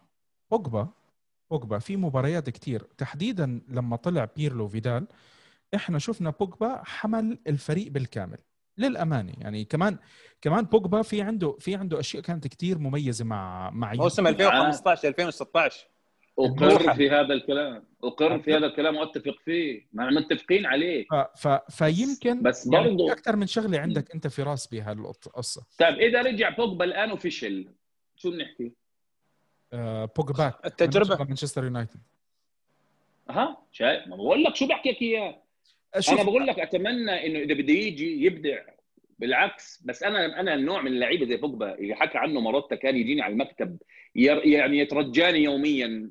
إنه بليز سلمي ورجعني وأبصر شو على مانشستر وأنا خلص عملت رسالتي هون تميتها. يعني أنا بجوز علاقتي معاه موضوعي شخصي معاه أكثر. ولكنه راح وشاف النصيب. بس ما بصير أقيم أنا مثلا مرات مراتا لما رجع وبوجبا لما يرجع بمعايير مختلفة لا هي نفس المعيار حيكون. نفس طيب. المعيار مدرب آه. جديد وفكر جديد. بس هاي هي. خلينا نطلع من هذول اللاعبين. آه يلا طحنون ماشي. ونقلنا على النقطة الثالثة. طحنون آه، شايفك أنا زعلان. بدك تحكي لنا شوي لا عن- حشا لا لا. لا لا حشا. شو يعني بزعل؟ لا, لا الحين كا- كانت كانت. النقطة كانت النقطة اني أنا تقييمي كانت مراته كان المفروض مقارنة بالأسامي اللي كانت معروضة هو أقل الاسامي من الأسامي اللي ارتبطت مع اليوفنتوس. نحن مش مش كل الأسامي أخبارها صحيحة لكن مقارنة أعتقد- بالاسامي أعتقد إنه اسم سواريز لما إحنا سمعناه وانربط بيوفي أي اسم تغير؟ صحيح. خلص صحيح. صراحة. يعني طبيعي. ف- فطبيعي هني أنا أكيد أكيد راح ينزل. لو كان سواريز مكان مراته راح يختلف التقييم. أكيد راح يختلف التقييم بشكل كبير. اليوم أنت أه وقعت مع ماكيني. لا أنا ولا أنت ولا أي إنسان في التاريخ في العالم يعرف إنه ماكيني. حتى فلهذا أهله. السبب حتى أهله ما صدقني حتى حتى أهله ما يعرفوا إنه هو لاعب كرة قدم. أه مساله مسألة كولوسوفسكي لاعب شاب موهوب أفضل لاعب في في في الدوري الإيطالي بجدارة واستحقاق. أتمنى اني يقدم الأداء اللي قدمه في في في بارما كمجهود يقدم معانا آه، تترجم نفس نفس المجهود في آه، في اليوفنتوس. كيزا آه، موضوعه مش مش موضوع كلاعب أو هذا. أنا كنت أنك في هذا المركز كان المفروض مش مش كيزا انه ينصرف هذا المبلغ أو مثلا كانت هاي الميزانية تنصرف في في لاعب ثاني. لكن بالاساس هي اعاره بقيمة 10 مليون. فيعني الموضوع مثل ما قال أحمد طب أبو أبو أبو طحنون عشان نرفع التقييم لخمسه أنا بدي أنجح الإدارة إيش كان لازم نجيب؟ أعطيني أسماء ظهير ظهير ظهير مكان مكان. مين ظهير؟ حلو ظهير جوزينس جوزينس إذا كان إذا كان بيلو ما بده هذا الشيء عاد المشكلة الحين إذا كان بيرلو هذا نحن المفروض نحن ما نتكلم عن الميركاتو كامل بشكل عام لأن بيرلو هو اللي إذا إذا أنت قيمت ما راح ما راح آه، نقيم. إحنا إحنا نقيم إحنا نقيم ميركاتو بلان إنه بيرلو الاختار طبعا. آه نعم. ولا بقاطع أبو حمزة. آه الباء الباء أول البارحه أعتقد غرضت تغريده قلت هو ابدا اقيم بالسوق.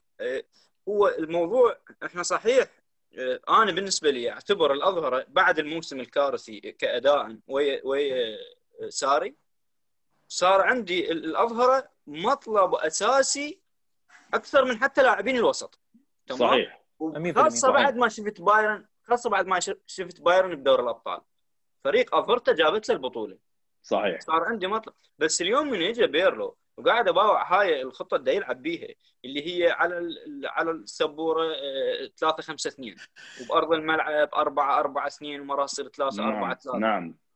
أنا حاليا هسه خل أجيب أحنا كانت أهدافنا أنت تلاحظ بعد تعيين بيرلو اختفت أسماء الأظهرة اللي كنا مهتمين بيها؟ 100% ليش؟ اليوم المدرب عنده خطة وعنده مشروع على أرض الملعب، مشروع على أرض الملعب. إحنا كنا مهتمين بجوزينس ذكرته وبديست تمام. وحتى ظهير بايرن ألبا. الابا نعم ألبا. وعندك نعم عندك عندك ألونسو ماركس ألونسو الآخر آخر الأخبار ماركس ألونسو واميرسون بالميري. هواية لاعبين تمام. أنت اليوم ذولا من تجي على أرض الملعب آه، وتريد توظفهم ما راح تلقى لهم وظيفة. أو ممكن راح يفشلون بالوظيفة اللي تعطيها لهم. تمام؟ آه، مثل سيميدو. سيميدو آه، راد برشلونة يصنع داني ألفيش ثاني.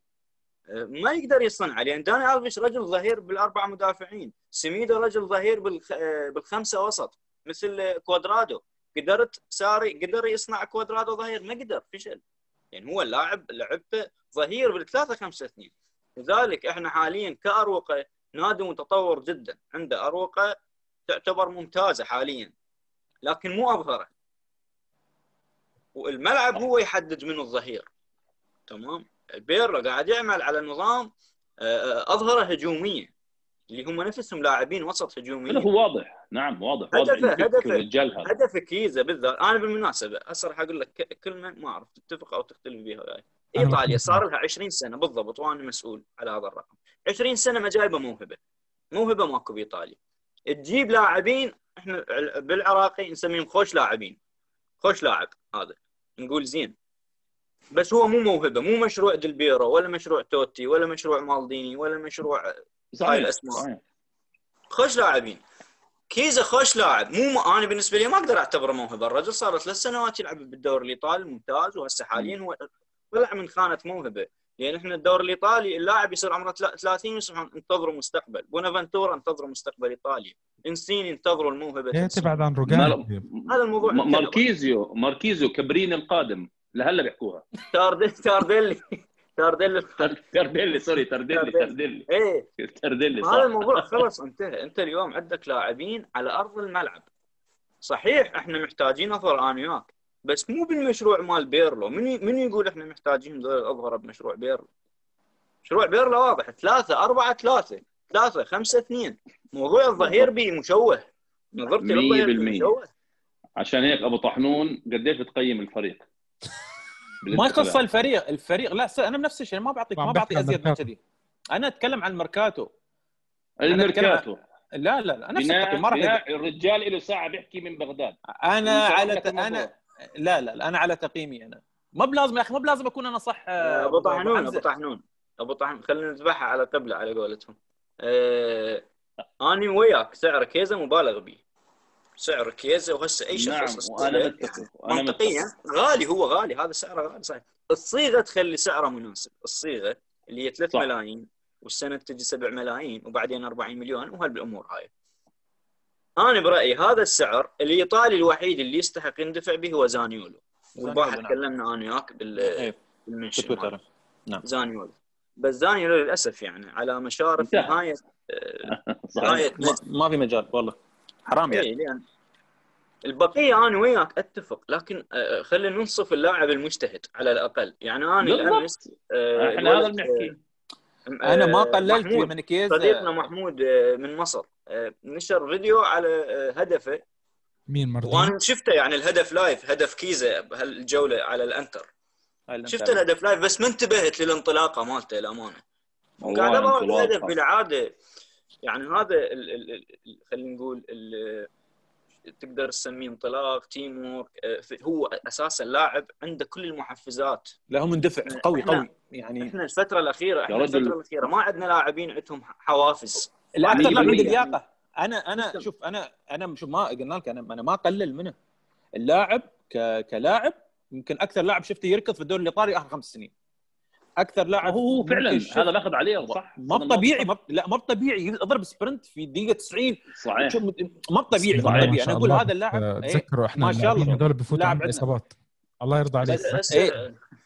نايف هسه زيمان السنة تجي من يصير باليوفي السنة هاي العفو يتهمه بالمنشطات آه، طبعا طبعا يحرق حلو. هذا زيمن ها. هو لسه عايش زيمن ها. ما حدا بيعرف ولا حدا مهتم آه، أنا هو بس آه، على لا لا نحن نايف على- نحن. على كييزا قبل ما نحكي على الأبطال كييزا واللاعبين الطليان بشكل عام اللاعبين الطليان بيكون مستواهم خمسة من عشرة ستة من عشرة يجوا على يوفي نبلش نشوفهم بيرتفع ل 8 9 من عشرة. وهذا الشيء إحنا تعودناه بالفترة الماضية. وأنا بتمنى هذا الشيء نشوفه بكييزا كييزا في أشياء كتير كويسة. اليوم سمعنا قرينا تصريح أبوه اللي اللي هو يوفنتينو شكله أب صالح وربنا بيرنا. إلا؟ بيرنا إلا لا، بيرنا. هذا خليه يعني خليه على جنب هذا. هذا الحمد لله. كان. أربعة صار 3 مو 3.25 يد- ما هو برضه بي... حتى بيرنا ما هو اللي مسك يا جماعة اللي كان على الدكة السنة الماضية. يا رجل هذا يعني إيش أحكي لك؟ بيرلو هذا كلام كويس عن برناردسكي. لا خلينا بحكي نشوف عن بحكي, بحكي عن المدرب اللي كان أنا. المدرب فاهم. اللي كان هذا كفيل. يجيب لك هو أمراض الرئة وأمراض القلب وأمراض القولون وكل أنواع التعب النفسي والجسدي والعقلي. بيرلو مدح ببرناردسكي. خلينا نشوف بيرلو شو راح يطلع من برناردسكي. ولعلها 100%. تكون لعلها تكون بداية تغيير. ف... ف... فالشغلة الكويسة يعني في بوادر خير من لاعبين طليان. أنا على فكرة الفترة فترة السنة الماضية كنت إلى حد ما لا أرحب بفكرة إنه أنت ترجع طليان بس فكرتي تغيرت لما صرت عم بشوف التأثير الاقتصادي اللي عم بيصير. لأنه أنت اللي عم بيصير عندك ال- الفترة الماضية ولاحظنا هالشغلة اللاعب الإيطالي لما يجي عندك على يوفي سواء كان بشجع يوفي أو ما بشجع يوفي ما راح يطلب الراتب اللي هو كان آه، راح ياخده لاعب أجنبي آه، غير إنه يعني راح يضل بالآخر عندك الإيطالي لأنه عنده نوع ال- اللي هي البيتوتية. خلص بده يضل بإيطاليا حيثبت بإيطاليا. أنا مع أحسن فريق بإيطاليا. زي روجاني. زي روجاني. تحبوا روجاني ما تحبوا روجاني هاي موضوع تاني. بس روجاني كان خلص. مدافع خام مدافع خامس يعني وما كان عندي مشكلة. أنا أنا يعني مع روجاني ما كان عندي مشكلة بصراحة. بس أنت أكثر واحد عندك مشكلة معه. لا لا لا مع روجاني لا والله. يعني طلع تغريداتك ما يأثر ما يأثر ما يأثر ما يأثر. روجاني ما يأثر. أنا عندي طيب بس الفكرة الفكرة وين؟ إنه هدول اللاعبين الطليان سواء آه، اللي إحنا عم نحكي عم نحكي عنهم ولا مستوى أعلى. وإحنا طبعا نتمنى مستوى أعلى ويكون عندهم ال- الأشياء اللي شفناها بأساطير بعدين لعبوا آه، بالماضي لعبوا عندنا بيوفا.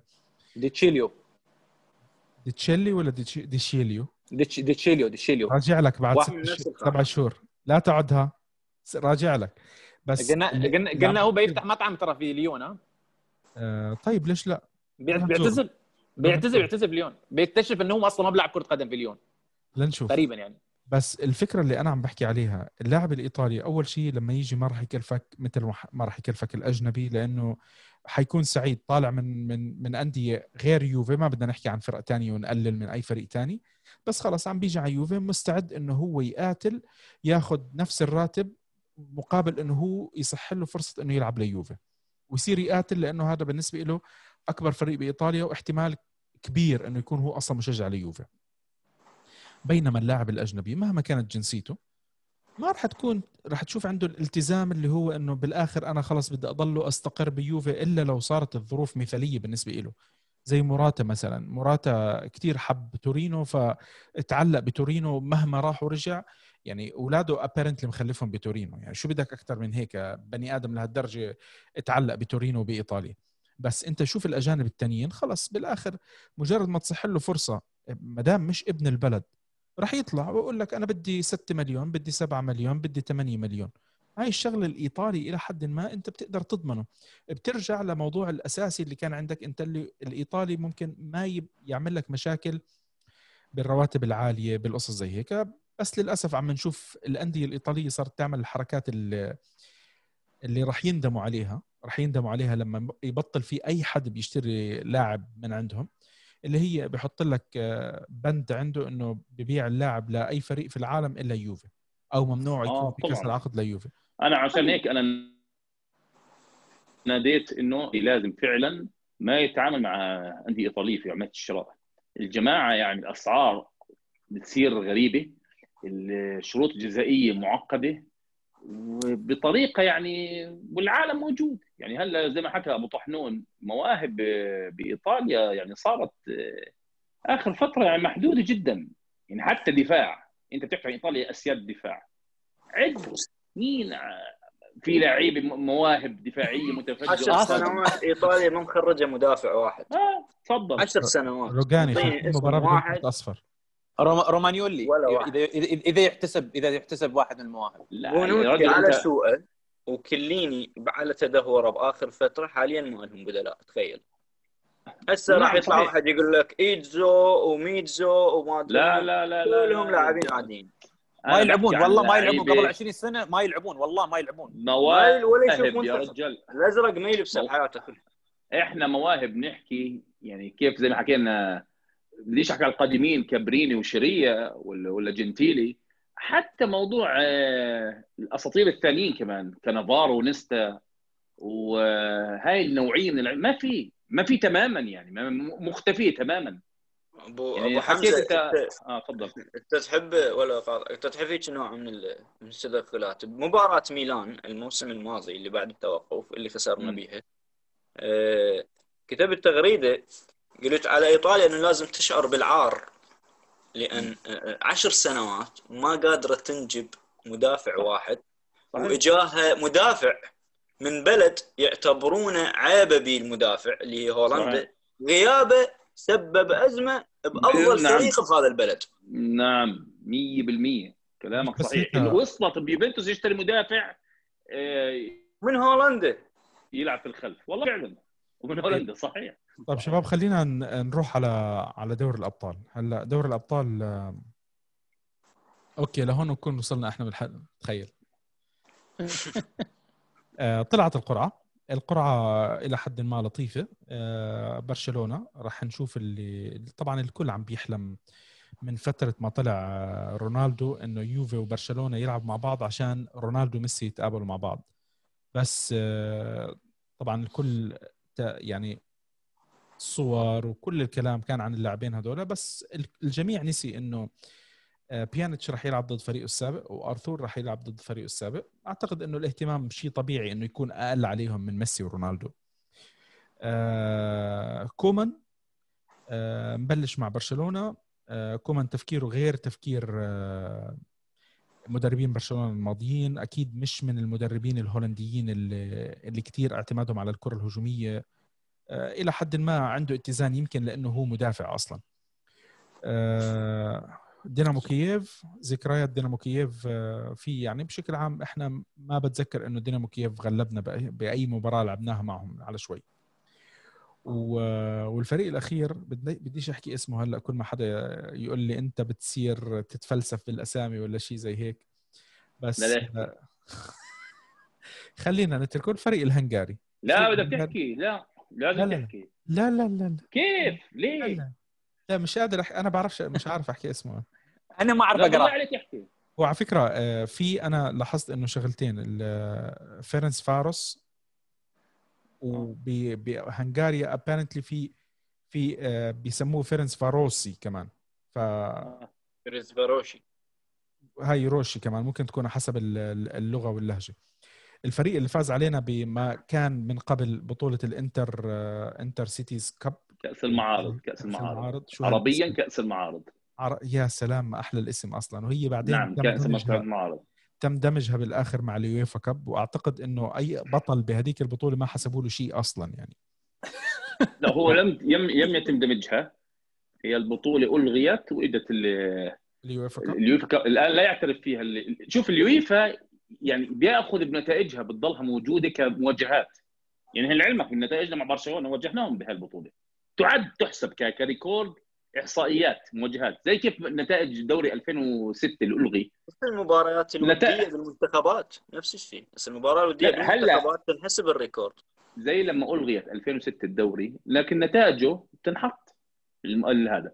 فهذا الفريق غلبنا هو في النهايه كأس المعارض. اللي بعدين غلبنا كمان مرة من ليدز يونايتد 10 احداث الفيديو اللي حكيت فيها اللي بآخر نسخه اللي هي 70 71 طيب كمل يا أستاذ نايف قبل ما ندخل على جمهور, جمهور نكدي والله جمهور نكدي. قاعد تسولف على لعبة بال- بالستينات خسرانين بها ويا فريقنا مساوي. طب خليني اعطيك. أنا خبر تنبسط فيه. أنت بما أنك أنت بتحب الأخبار الحلوة. الفريق هذا الهنغاري آه، شارك بدوري الأبطال مرة واحدة فقط لا غير وهذه هي المرة الثانية. المرة الوحيدة كانت سنة 95 96 والموضوع عندكم خلص يعني إذا بتحبوا تتفائلوا شوي اللي هي من 25 سنة. والله يا أخي أنتم جمهور بعد أنت جمهور درامي جمهور درامي أكثر ناس يحط سيناريوهات إن إحنا بنفوز ببطوله دوري أبطال أوروبا بأي طريقة. نحن ما بنفوز. جمهورنا وصلت فيه لما لبسنا الأزرق قال لك لبسنا الأزرق هذا فال 96 لا عموما نايف الارقام اللي بتحبوا اللي الناس اللي بتحب الأرقام هذه يعني معلومة كل التمرينات جربناها. نايف أعبر هذا الموضوع ما فادت مش طلع لنا اسمع طلع لنا أبو طحنون من كم من شهر قالنا مدربنا جاي من نابولي وكمان بدخن سيجارة سيجار. بعد آه. هذا أنت هذا أنت هذا أنت اللي قايل. الحلقة الأخيرة. والله اسمع. اسمع أبو طحنون برجع. الحلقة برجع الحلقة بحط لك إياها الله يرضى ما عليك. بأنا ما بأنا اللي قايل. مال جمهور اليوفي نصها صار يدخن. صح. والله اسمع كنت عم بحكي مع آه، خلدون الشيخ. فخلدون الشيخ بقول لي ما هو أنتم اسمحوا له يدخن في الملعب؟ وشوفوا النتائج كيف كانت تتغير. صحيح. آه إحنا؟ غلطانين. والله يا باخر مباراة طلع واحدة يدخن بال- بالمدرجات يا رجل الله لا يعيدها من أيام. طيب هلا آه، أعتقد إنه بشكل عام ال- ال- القرعة يعني ما بدي أحكي بسيطة وسهلة وهذا بس التأهل لازم يكون ممكن. لا جيدة جيدة جيدة حق آه، محظوظ بيرلو إنه القرعة سهلة مش سهلة يقول مثلا بإمكان إنه يقدر الفريق يصعد إلى دور 16 فيها. آه، ياخذ خبرته ياخذ خبرته. المفروض إنه يتأهل. نعم نعم لا ياخذ خبرته وياخذ آه، حضوره في دوري الأبطال ويدخل على الأقل يوصل وين ما يقدر يوصل في دوري الأبطال. في النهاية البطوله البطوله خلونا نكون واقعيين. مش مطلوب منه يسوي أي شيء أكثر من خروج من دور دور المجموعات الصعود من دور المجموعات أنا بالنسبة لي رأيي أنا الشخصي. أنت ابو طحنون انت أنت ناوي تخرب بيتنا الموسم هذا. لا ليش؟ أعطيتني أربعة وبعدين بتقول لي طموحنا. طلع الدور الثاني مع بيرلو لا لا استنى. ما هو أنت اسمع أنا العمر اللي راح أنا هذا الحمد لله إني لحقني نهائي 96 وكنت حاضره. بغض النظر إنه التلفزيون ال- الله يذكرهم بالخير عندنا جماعتنا كانوا باثينها كان في جلسة لمجلس النواب حطوا لنا إياها مسجله بس كنت أحضرها على قناة أخرى. ثانية مشوشة وعلى التلفون مع صاحبي المهم حضرت فأنا فرحت.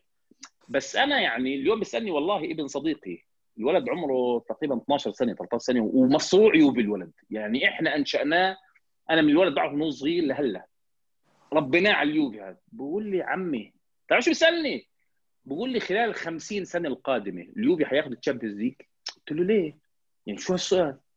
قال لي أنا هلا بحسب عمري يعني 12 إذا عشت لي لل 62 يعني الولد يكسر يقدر بلحق الله يرزقنا الله يرزقنا هذا الطموح والتخطيط. جاوبت جواب أنكس أنا. قلت له لا والله مي عمي 50 قليلة يعني. أنت لو 100 سنة حطيتها بجيب لك واحدة. يعني أبو طحنون أنت ناوي تسكرها بوجهنا يا رجل؟ لا لا لا, مش مطلوب. يا رجل لا. مش مطلوب منه دور ثاني لا هذا نكد طحنون اليوم ادائك مش عاجبني.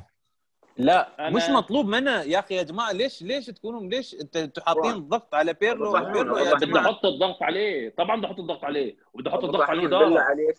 بالله عليك كافي نكد بالله عليك. مش نكد والله مش نكد. يا زين خلينا الناس الناس اللي راح تحضر الحلقة شنو؟ لاحظ يا جماعة والله مش نكد. نايف أنا أرفع أنا أريد شوي شوي اعوض أعوضهم على هذا النكد. أكو بالمن... لا نقطة نقطة مهمة من أعطينا أعطينا أعطينا غير خبرية إنه اللاعب الفريق الهنغاري لاعب لا الجدول الجدول هي صح إحنا متفقين إنه هي آه، آه، ممتازة يعني القرعة من ناحية الفرق الموجودة بالمجموعة. بس الموضوع الممتاز أكثر إنه المباريات اللي جاية أنت بالبداية عندك. قبل وبعد. عندك أول مباراة امام دينامو كييف بأوكرانيا مباراة ثانية بتورينو ويا برشلونة. والثالثة آه، ويا الفريق النمساوي بالنمسا. فهاي المباريات تتيح لبيرلو. الهنغاري الهنغاري الفريق الهنغاري الهنغاري عفوا. مجري الهنغاري اي تتيح لبيرلو إنه عنده عنده المساحة. ليش؟ ما عليك ضغط أنت كمدرب واصل جديد بتجربة جديدة. وداخل ملعبك وبفريق عنده هواز دوري أبطال تشكل عليك ضغط ومطالبة بالفوز أنت راح تطلع الاوكرانيا تحقق أي نتيجة إيجابية ترجع بملعبك أمام برشلونة واللي تقدر تعوضها لنهايه ثاني مباراة والمباراة الثالثة وهي اسهل فريق بملعبه كذلك فأنت هاي المجموعة إذا طلعت منها مرحلة الذهاب ب خلينا نقول بخمس نقاط. كتقدير سيء خلينا نقول ممتازة. ليش؟ عندك المباريات اللي بعدها المباراتين السهلين بملعبك. فالمجموعات هاني برأيي طريق معبد. تبقى المشكلة طيب. إنه أنت متصدر أو تصنيف ثاني. طيب أنا على موضوع على آه. موضوع الفرق. خلي أختم وأخذ أنت. آه، حتى على موضوع الفرق الموجوده أبو طحنون يقول أنا طموحي دوري 16 ما أدري شلون. لا اصعد آه، الفرق مش طموحي. الفرق ما عندي مشكلة. الفرق كلها تعاني. الفرق صدق كلها جاي تعاني. يعني أنت حاليا من المرشحين الثابتين عندك سنويا؟ ريال مدريد برشلونة ليفربول كذا بايرن غير. كلهم يعانون. شاهدت ليفربول؟ الكل برشلونة أساسا هو بمعاناة. ريال مدريد من 40 سنة. صار له 40 سنة. ما مسوي آه، آه، عفوا ما ماضي صيف عليه ما مسوي بيه صفقات. من 40 سنة ما مسوي صفقات. زين وعنده مشاكل ودا نشوف نتائجه وطريقة فوزه بالمباريات صح إحنا ما نقدر نحكم بداية بس كل فرق عندها مشاكل يعني. لا تتصور البقية مثاليين وأنت اللي عندك مشكلة. شوف أنا أحكي رأيي. أول شيء طلعت بدوري أبطال أوروبا بعيدا إنه يعني مقبولة وجيدة هذا حتى مواجهاتك المحلية في الدوري. لما تواجه هاي الفرق حتكون مبارياتك سهلة. يعني حتى أنت لما تواجه ترى برشلونة حتواجه فريق سهل وبرشلونة حيواجه ريال مدريد. يعني أنت في الدوري محليا. فترة طويلة فراس بالضبط فأنت جيتك حتى القرعة مش بس إنه كويسة ومقبولة لا حتى الفرق اللي حتواجهها محليا حتكون سهلة. بالضبط هي القرعة مثالية. أما موضوع دوري الأبطال هاي السنة فأنا بحكيها يعني بالصدر المفتوح البطولة يا جماعة والله تناديكم تشد على اياديكم هاي السنة كل فرق أوروبا تمر بمراحل من الخلل والاختلال. يعني إذا حكيت حط يوفنتوس على جنب. إحنا هسه مش شايفين شيء مع بيرلو وإن شاء الله خلال ثلاث مباريات القادمة السهلة تبين امور أفضل. لكن طلع بإسبانيا ريال مدريد وبرشلونة باعتراف جمهورهم حتى يعني بقول لك إحنا هذا مواسم لليستر. بدنا نشوف لوين بيوصل الفريق. لكن أتحدى واحد منهم يحكي لك أنا راح آخذ ال Champions League هاي السنة. نفسهم عارفين القدرات. في ناس معذورين. يعني زي مدريد أنا بعذر النادي. يعني جايب أربع بطولات بخمس سنين. انت لازم تريح لك 10 سنين و... ولا حد يحكي معك. فهم في لهم مخططاتهم.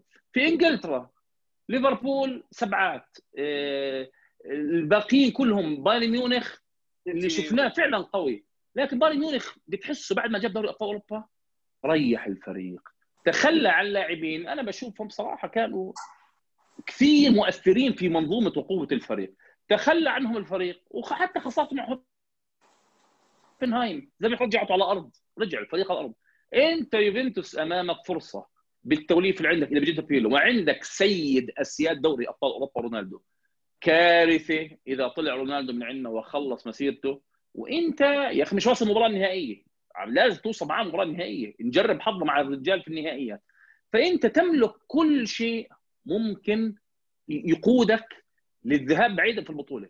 يوفنتوس لم يأتي ببيرلو عشان بس يأهلوا دور دور ثاني. لا عليه ضغوطات وهو عارفها. وأنيلي لما حطه بعد تسع سنين دوري أنا جايبه عشان آه، بس أتأهل دور ثاني أو مطلوب مني دور ثاني؟ لا بيرلو تاهل دور ال 16 وخرج من دور ال 16 راح ينتقد. أقول لك بيرلو لو تأهل لدور الثمانية وخرج من فريق عادي يعني زي سلمان طلع من ليون لا سينتقد.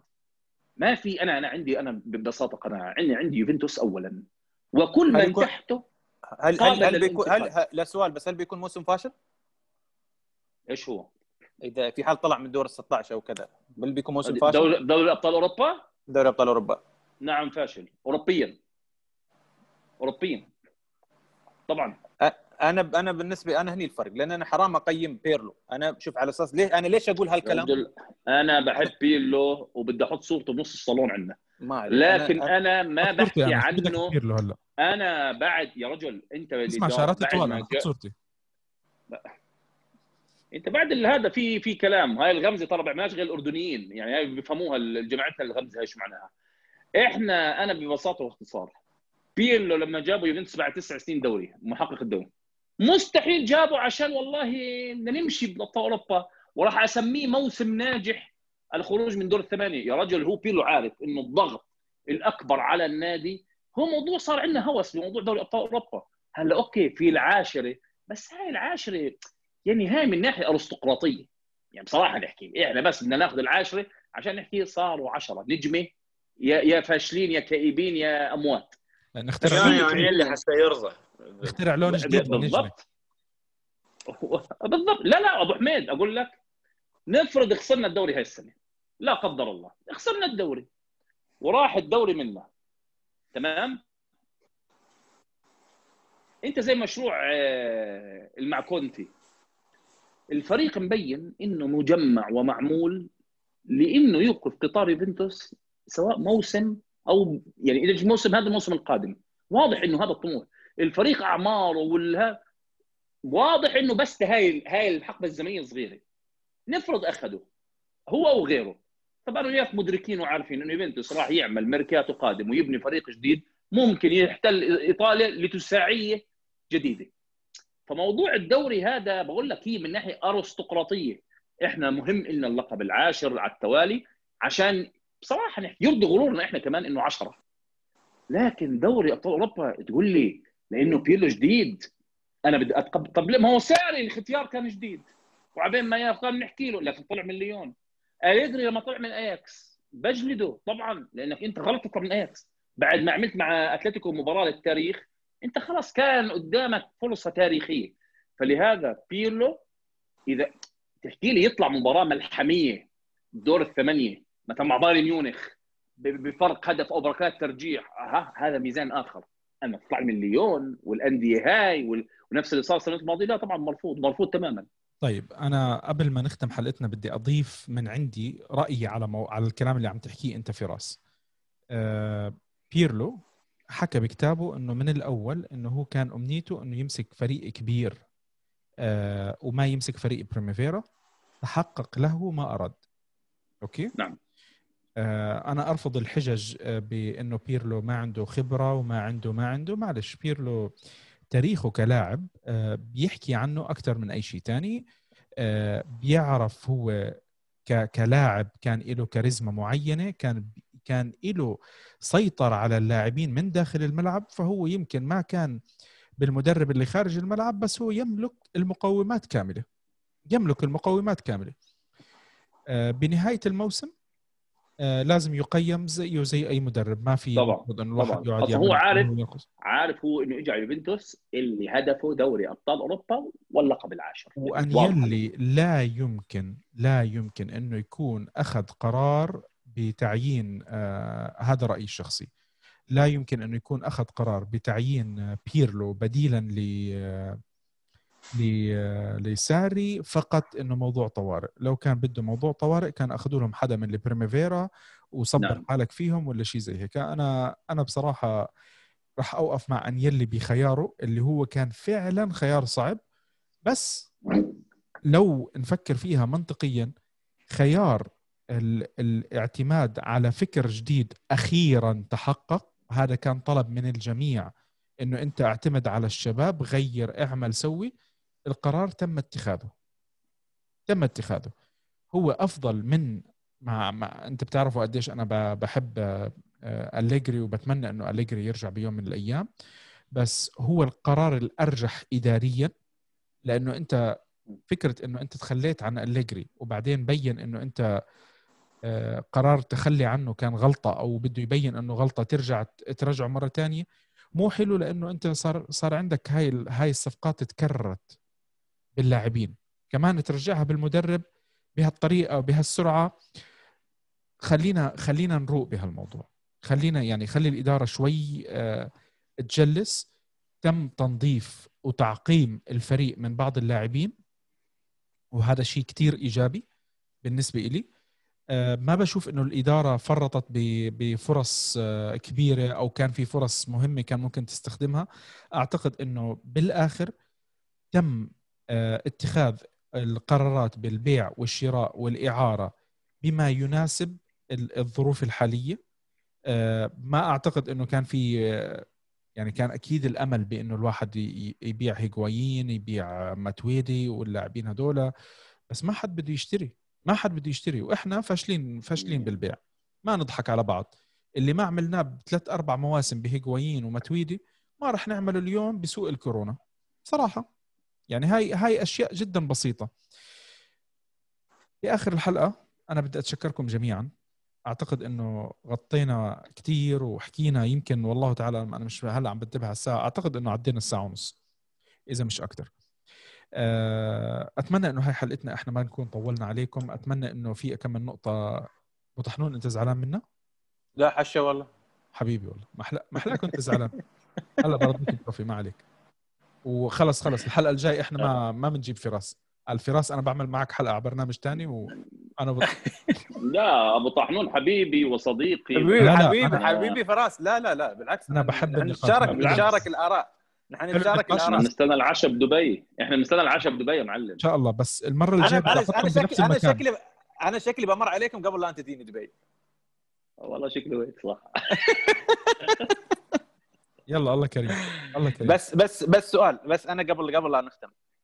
آه، أنا حسب رأيي الشخصي المتواضع أنا ليش أقول هالكلام؟ إذا أنت تبغي آه، تبني مشروع جديد مع مدرب جديد مع لعيب جداد آه، مدرب ما عنده خبرة مدرب جديد على الموضوع هذا أنا أقول حرام حرام نظلمه ونحكم عليه.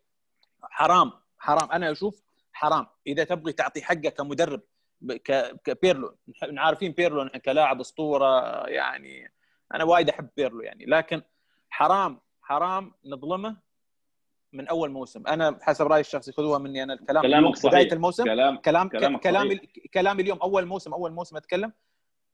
بيرلو الموسم هذا إذا تبغي مؤمن في مشروع بيرلو بيرلو خارج التقييم هذا الموسم.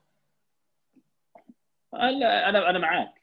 إذا بناخذها كمدرب جديد. ولكن النادي بعد تسع سنين لا يصلح إنه يكون مخططه بناء شيء جديد والانتظار ولا أنا أعتقد إنه بيرلو وأكيد النادي واضح معه كان. هم عارفين وهو عارف شو الأهداف الموضوع. على كل بديش أطول أنا اللي إحنا حكينا حلقة كثير. بس إن شاء الله بكون جلسات أخرى نايف. قبل ما نخلص الحلقة الحلقة الجاي يا شباب بس نذكركم المرة الجاي مثل ما حكينا إحنا بأول حلقة. الحلقة الجاي غالبا أنا وأحمد سلمان ما بعرف مين من الشباب إن شاء الله راح يكون معنا. راح تكون فقط مخصصة للحكي للحكي يا حبيبي للحديث عن كيف بس اللغة العربية. عجبتك؟ للحكيات والقصص زي هيك. آه، إنه بدنا نحكي عن موضوع الفاينانشالز هلأ راح يكون الإعلان آه، الأسبوع الجاي. أحمد سلمان مجهز الأوراق وبده يعتمد الأرقام كلياتها إن شاء الله. فراح نحكي بالأرقام اللي إحنا ما حكينا عنها وقررنا إنه ما نحكي عنها بالحلقة هاي لأنه شفتوا أنتم كيف بطحنون كان شوي زعلان وشوي فراس و والله العظيم. حطهم المره الجايه بغرفة واحدة. حطهم بغرفة واحدة عشان نتأكد. فالاسبوع الجاي ما في ما في دوري إيطالي. بعدين إن شاء الله بنرجع بعد أسبوعين آه، لتغطية المباريات من أول وجديد. ودوري الأبطال إذا أنا مش غلطان أول مباراة ب 21 أو يا 20 يا 21 أكتوبر. فمعنا وقت معنا وقت إن شاء الله لنوصل للأبطال. بنهاية الحلقة بنذكركم إنه إحنا حلقاتنا موجودة على آه، يوتيوب أبل بودكاست جوجل بودكاست سبوتيفاي وأنغامي. وإحنا موجودين على وسائل التواصل الاجتماعي فيسبوك تويتر إنستغرام آه، في تيك توك لازم نحركه سناب شات راديو بيانكونيرو. أخونا أحمد سلمان حسابه على تويتر ماركو تاردي. أبو راشد أبو طحنون يا الله الله يسامحك يا رب. أبو طحنون آه كمان at آه أحمد underscore طحنون آه فراس آه غني عن التعريف. راح نعمل له block قصدي راح نعمل له block خاص في الحلقة. يكون معنا. أنا بال description شباب راح أكون حاطط العناوين كلياتها. امهلوا لنا شوي بعد بعد هيك كم من أسبوع رح نبلش نعمل لكم حركات و و, و... و... آه، شو اسمه animation ونظبط هيك الحلقات ونرتبها شوي شوي. مع الوقت إن شاء الله الأمور هيك نتعلم من فراس و... والحركات اللي عم بيعملها والاكشن اللي بيعملها في آخر فترة. آه شكرا جزيلا للجميع و forza يوفا